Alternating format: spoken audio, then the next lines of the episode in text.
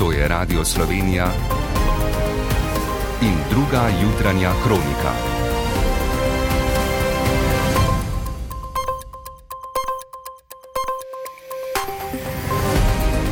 Ura je sedem. Dobro jutro. Lepo pozdravljeni. Vladna koalicija je na vrhu začrtala temelje plačne reforme v javnem sektorju. Po besedah premijeja Roberta Goloba je cilj, da ne more več biti plač pod minimalno plačo. V koaliciji obljubljajo tudi ukrepe za niže stanovanske najemnine. V treh letih bi poskrbeli za zgraditev po 3000 najemnih stanovanj na leto. Kako rešiti pomankanje kadra v zdravstvu? O tem bo tekla beseda na seji Strateškega sveta za zdravstvo. Učinki povečanega upisa na medicinski fakulteti bodo vidni šele čez deset let. Med kratkoročnimi ukrepi je administrativna razbremenitev zdravnikov in ne nazadnje tam, kjer je družinska medicina pomembna, so družinski zdravniki med najbolje plačanimi zdravniki v zdravstvenem sistemu. Pravi dekan Ljubljanske medicinske fakultete Igor Švab. Evropska komisija sicer ne v polni zasedbi odhaja na obisk v Kijev. V spredju bo približevanje Ukrajine Uniji. Brusel naj bi sicer razblinil upanje o skorajšnji učlanitvi, bo pa obljubil nadaljno finančno in vojaško pomoč. Košarkari Olimpije so zmago nad Venecijo v Evropskem pokalu prekinili niz porazov in ohranili kanček upanja na preboj v končnico polovico. Na severu in vzhodu bo bolj oblačno, drugot več jasnine. Z vami sva Tatjana Popovič in Luka Brigar. Plačna reforma bo trajala več let, pogajanja s sindikati o odpravi plačnih nesorazmeri naj bi bila le eden od korakov, je včeraj po koalicijskem vrhu povedal premijer Robert Golob. Cilj, ki mu bodo sledili z reformo, je, da nobena plača v javnem sektorju ne bi bila nižja od minimalne. Več kot je Arhar.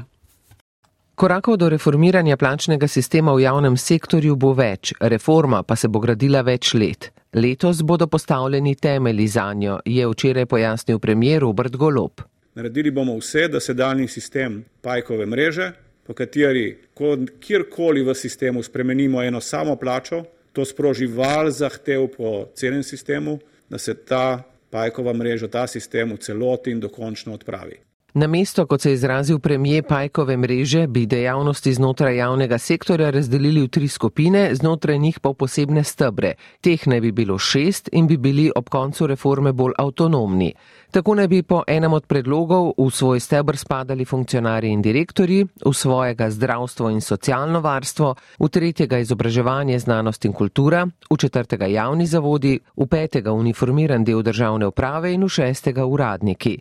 Kot je napovedal predsednik vlade, bodo skušali najti tudi skupno osnovo, na podlagi katere se bodo usklajevale vrednosti plač, minimalne plače, pokojnin in socialnih transferjev, najprej pa bodo naslovili spodnji del plačne lestvice. Osnovna usmeritev je, da ne more več biti plač pod minimalno plačo, da se razredi temu prilagodijo. Najnižja plača naj bi bila po enem od predlogov vredna 60 odstotkov poprečne plače v zasebnem sektorju. Predlagano razmerje med najnižjo in najvišjo plačo naj bi bilo 1 proti 7, razpon med plačnimi razredi pa 3 in ne več 4 odstoten. Na vprašanje, koliko bo reforma stala, pa tudi tokrat nismo dobili odgovora. Do začetka prihodnjega tedna se bodo o danes slišanem izrekle še koalicijske stranke, potem bo spisan zapisnik vrha, o katerem bo skupaj z izhodišči za reformo predvidoma prihodnji teden odločala tudi vlada. Z reformo stanovanske politike želi koalicija vzpostaviti sistem, ki bo po letu 2026 omogočal graditev 3000 stanovanj na leto. Premijer Robert Golop je ob tem pojasnil. Enotnega mnenja smo bili, da moramo povečati priliv javnega denarja iz proračuna v javni stanovanjski sklad, hkrati pa začrtati tako kvir stanovanjske politike, ki bo omogočil, da se v gradnjo vključujejo tudi državna zemljišča znotraj SDH-ja, hkrati da se bo v to reformo lahko vključeval tudi posamezne zadruge kot eventualni investitorji ali pa še kakšna druga kategorija. Koalicijo čakajo še usklajevanja o reformah pokojninskega sistema, davčne politike in šolstva. Koliko bodo reforme stale, za zdaj ni znano. Je pa finančni minister Klemen Boštjančič napovedal rebalans proračuna, znotraj katerega bo treba zagotoviti denar za vse letošnje vladne reformne načrte. Parlamentarni odbor za pravosodje bo popovdne obravnaval vladni predlog zakona, ki sodnikom in toživcem zagotavlja 600 evrov bruto dodatka k mesečni plači do uveljavitve reforme sistema plač v javnem sektorju. Parlamentarna zakonodajno-pravna služba ocenjuje, da dodatek v resnici pomeni zvišanje plačnih razredov za sodnike. Nekateri bi tako lahko celo presegli druge funkcionarje, naprimer predsednika republike, vlade in parlamenta ter ministre. Poslanska skupina SDS je že vložila dopolnilo, po katerem bi bili do enakega dodatka upravičeni vsi funkcionarji in vsi javni uslužbenci. NSI pa predlaga črtanje tega dodatka. Strateški svet za zdravstveno reformo se bo danes na drugi seji pod vodstvom Erika Brečlja posvetil problematiki osnovnega zdravstva in pomankanja kadra.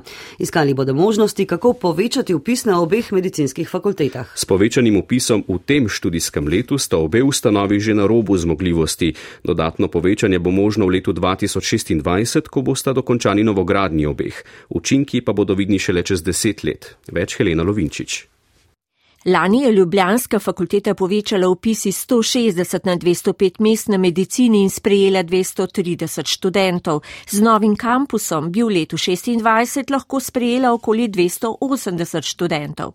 Za četrtino so upis na družinsko in dentalno medicino povečali tudi v Mariboru. Pripravljen pa imajo tudi študij farmacije, dekan Istok Takač. Vloge so vložene na Ministrstvo za izobraževanje, znanost in šport, sedaj pa čakamo na odločitve in seveda strateški svet bo imel pri tem seveda tudi ključno vlogo pri reševanju teh vlog. Upis bi lahko povečali tudi s povečanjem sposobnosti kliničnega pouka, pravi dekan Ljubljanske fakultete Igor Švab. To pomeni, da lahko učijo in več učijo tudi zdravniki v drugih bolnišnicah, s katerimi imamo že pogodbe, celje, novo mesto, izola, valdolta in tako naprej. Vendar pa je interes za akademsko delo majhen z povečanjem plač zdravnikov je nagrada, ki jo lahko privoščimo nekemu zdravniku, ki bo učil študente tako majhna, da se jim to finančno ne splača. Učinek povečanega upisa bo viden šele čez deset let. Predlogi za umestni čas, o katerih bo odločal strateški svet, so predvsem takojšnja administrativna razbremenitev ter da se tim eh, zdravnika družinske medicine okrepi, da lahko svoje delo prenese na svoje sodelavce in za njihovo delo tudi odgovarja, da stroka družinske medicine začne odločati o tem, kaj se v družinski medicini dela, ne pa da v njenem imenu odločajo drugi. In ne na zadnje tam, kjer je družinska medicina pomembna, so družinski zdravniki med najbolje plačanimi zdravniki v zdravstvenem sistemu.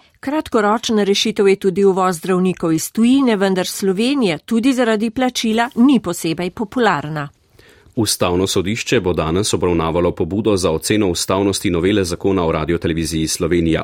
Pobudniki s prvo podpisanim predsednikom do zdajšnjega programskega sveta RTV Petrom Gregorčičem so se obrnili na ustavno sodišče, ker menijo, da bodo z izvajanjem zakona nastale nepopravljive posledice. Ustavnemu sodišču tako predlagajo začasno zadržanje izvajanja novele. Vlada in državni zbor pa sta prepričana, da bi nepopravljive posledice nastale prav zadržanjem. Temeljni namen novele je namreč zagotoviti institucionalno in programsko avtonomijo RTV. Druga jutranja kronika. Ura bo 7 in 8 minut. Evropska komisija je kot odgovor na ameriško protekcionistično gospodarsko politiko predstavila predlog ukrepov za večjo konkurenčnost gospodarstva in njegov prehod v brezoglično poslovanje. Odzivi na nihajo od razočaranja do realizma. Evropska unija ne sme dovoliti nebrzdane tekme članic, ki bi vsaka s svojimi subvencijami spodbujala domačo industrijo. Kljub tej omejitvi poskuša komisija čim hitreje odpraviti največje ovire za zelene naložbe. Več Maja Derčar. Združene države Amerike, ne ozirajoč se na evropske partnerje, z davčnimi olajšavami in drugimi proračunskimi spodbudami v tekmi s Kitajsko pospešujejo vlaganje v domače zelene tehnologije, tudi nakup električnih vozil. Evropa je zaskrbljena. Ekonomist Črt Kostevc. Za Evropo ta hip eh, stvari ravno rožnate niso. Verjamem pa, da, da, da so možnosti in so ukrepi, ki bi lahko, ki bi lahko ta zaostanek zmanjšali.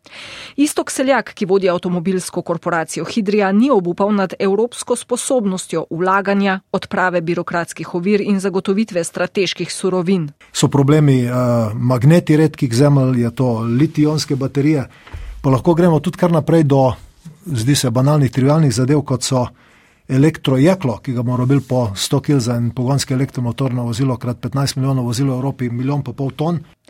Predlog Evropske komisije za pospešitev izdajanja dovoljen in začasno zrahljan okvir državnih pomoči bo podprl industrije in naložbe, kot so vodikove tehnologije, zajem oglika, brezemisijska vozila, energetska učinkovitost stavb in tako naprej. Vodja predstavništva Evropske komisije v Sloveniji Jrneja Jukjerše. Evropa, jaz bom rekla, premika meje, začela jih je med pandemijo, mogoče jih je začela ta, ko je prišla ta komisija Ursula von der Leyen, je prišla tudi kriza.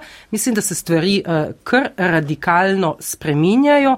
In državni sekretar na Ministrstvu za gospodarstvo Mateuš Frangeš. Zaradi narave naše ekonomije je tako, da bo uspešno prestrukturiranje industrije v Nemčiji in v Franciji, da nimo, se pravi dveh največjih državah članicah pozitivno vplivalo tudi na naše verige, vkolikor bomo znali svoje industrije prilagoditi in vključiti v prenovljene evropske eh, verige. Podrobnejši in izpogajani zeleni industrijski načrt naj bi do sredine marca ugledal luč sveta kot zakonodajni predlog Evropske komisije. Svet Evropske centralne banke bo danes spet zvišal obrestne mere v območju evra, tako kot decembra, predidoma za pol odstotne točke.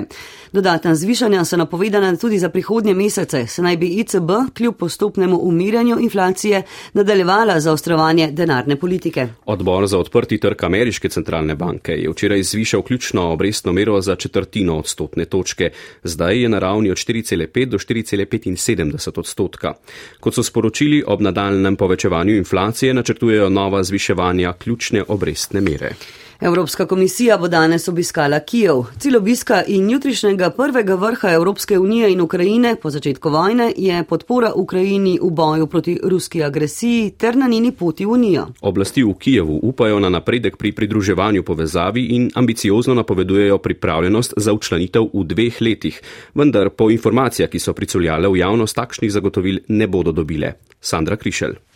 Predstavniki Evropske komisije, ta ne bo v polni sestavi in ukrajinske vlade naj bi pregledali dosedani napredek kandidatke za članstvo Ukrajine in možnosti za poglobitev sodelovanja. V petek se bodo na to v ukrajinski prestolnici sešli ukrajinski predsednik Volodimir Zelenski, predsednik Evropskega sveta Charles Michel, predsednica Evropske komisije Ursula von der Leyen in visoki zunanje politični predstavnik Josep Borel.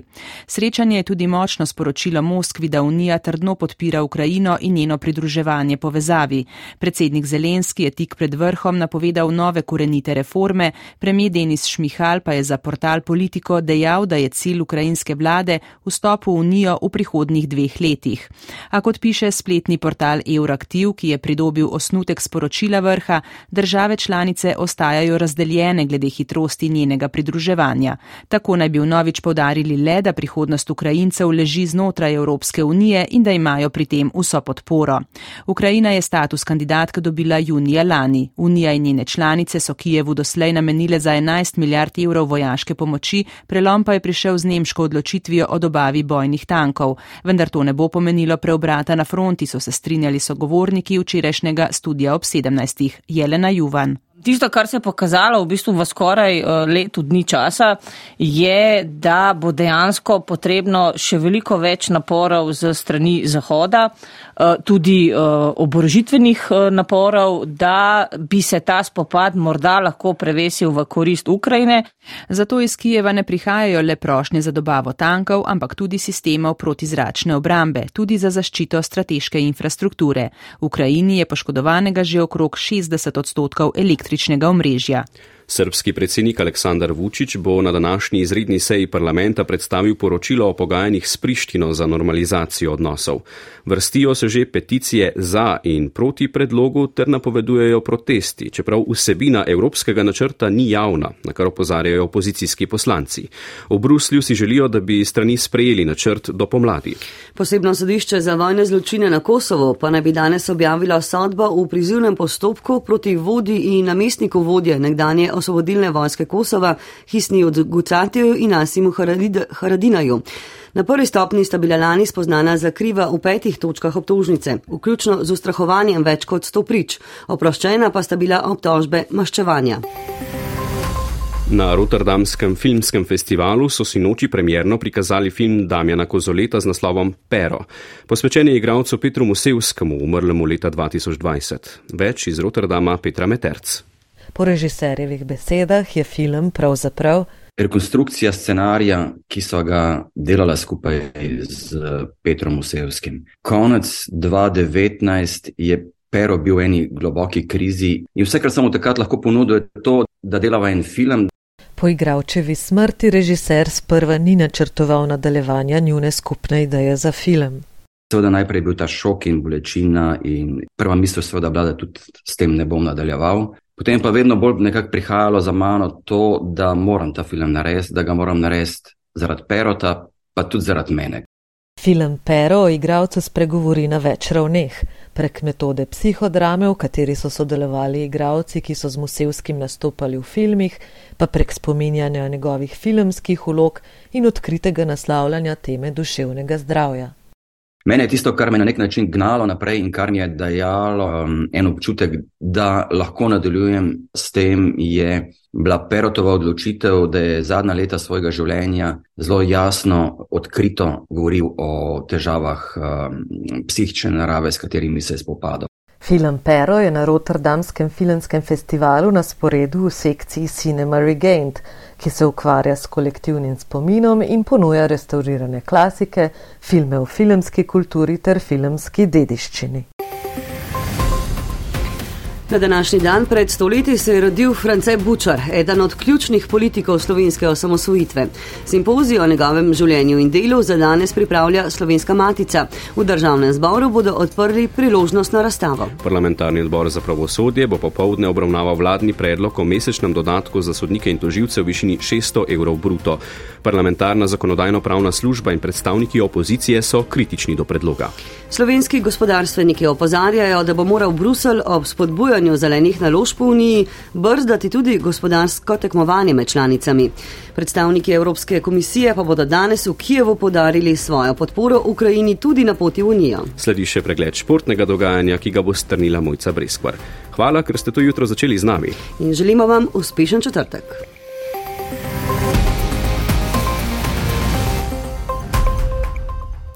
V Evropskem košarkarskem pokalu je Olimpija prišla do tretje zmage v tem tekmovanju. V Stožicah je 77 proti 73 premagala Venecijo. Več Franci Paušer. Najboljša olimpijska obramba v sezoni je prinesla prvo evropsko zmago v letu 2023, februar uspešnejši od sušnega januarja. Na tekmi polni nihan so ljubljančani tudi dobro zadevali trojke, v zaključku, ko je Venecija lovila drobno olimpijsko prednost, pa so še natančno izvajali proste mete. Zmaga je ohranila kanček upanja na preboju končnico, v spredju pa vnovič Jogi Ferel 20 točk 7 podaj, okrog svojega poprečja tudi Josh Adams 16 točk. Skakanjem je stopal Alen Omič, zlasti v drugem polčasu z 19 ujetimi žogami pa je nabral skoraj polovico vseh olimpijskih skokov.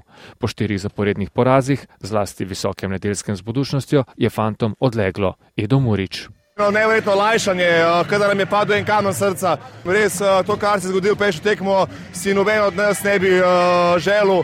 Bila je posebna tekma, bila je velike emocije, sploh zelo duleta trice in meni to res nisem dva dni dobro spal. Olimpija še naprej ostaja na zadnjem mestu v skupini, a ima le zmago manj kot pred zadnji kluž. V košarkarski Euroligi je bil Efes boljši od Žalgirisa 80 proti 70, Monako je visoko premagal trenutno zadnje uvrščeno Albo iz Berlina 102 proti 84, Real Madrid je bil prepričljivo boljši od Panatinajkosa 83 proti 68. Za golfistke, ki bodo nastopale na evropski turneji, se je z odprtim prvenstvom Kenije začela nova sezona. Med najviše postavljenimi igravkami na turnirju v bližini Mombase je tudi Pia Babnik, za katero se je uvodni tekmovalni dan od skupno štirih začel pred nekaj minutami. O igriščih Vipingo Rič, 68. svetovne lestvice, Pia Babnik. Igrišče v Keniji je kar osko. Ampak glede na to, da sem napredovala v natančnosti udarcev, upam, da mi bo to tukaj prav prišlo. Na letošnji sezoni evropske turneje bo nastopala tudi Ana Bejlac. Najboljših 12 evropskih igralk svetovne lestvice si bo priborilo nastop na prestižnem septembrskem dvoboju Evrope in ZDA. Sicer se bodo v drugi polovici leta že začele zbirati točke za nastop na olimpijskih igrah prihodnje leto v Parizu. Pomlajena slovenska namiznoteniška reprezentanca je s porazom s 3 proti nič z Romunijo v Bukarešti zaključila kvalifikacije za ekipno evropsko prvenstvo, ki bo septembra na švedskem. Slovenija je nastopila brez devetega igralca sveta Darka Jorgiča in brez Denija Kožula. Po eni sta osvojila Aljaš Godec in Peter Hribar. Najboljša slovenska skakalka v višino Lija Apostolovski je zmagala v Sieni, kjer so pripravili atletsko tekmovanje zgolj v tej disciplini. Preskočila je 1,87 m, druga je bila bronasta zadnjega svetovnega prvenstva italijanka Elene Valotigare. V srednje evropski odbojkarski ligi so kamničanke s 3 proti 1 premagale Linz, Mari Borčani pa so z 19 proti 17 v petem nizu izgubili proti mladosti iz Zagreba. V slovenskem odbojkarskem pokalu je prvi finalist ACH Voli, ki je izločil Salonit. Poslušali ste drugo jutranjo kroniko, urednik Niko Robaus, voditelja Tatjana Popovič in Luka Bregar, tonski mojster Uroš Macura.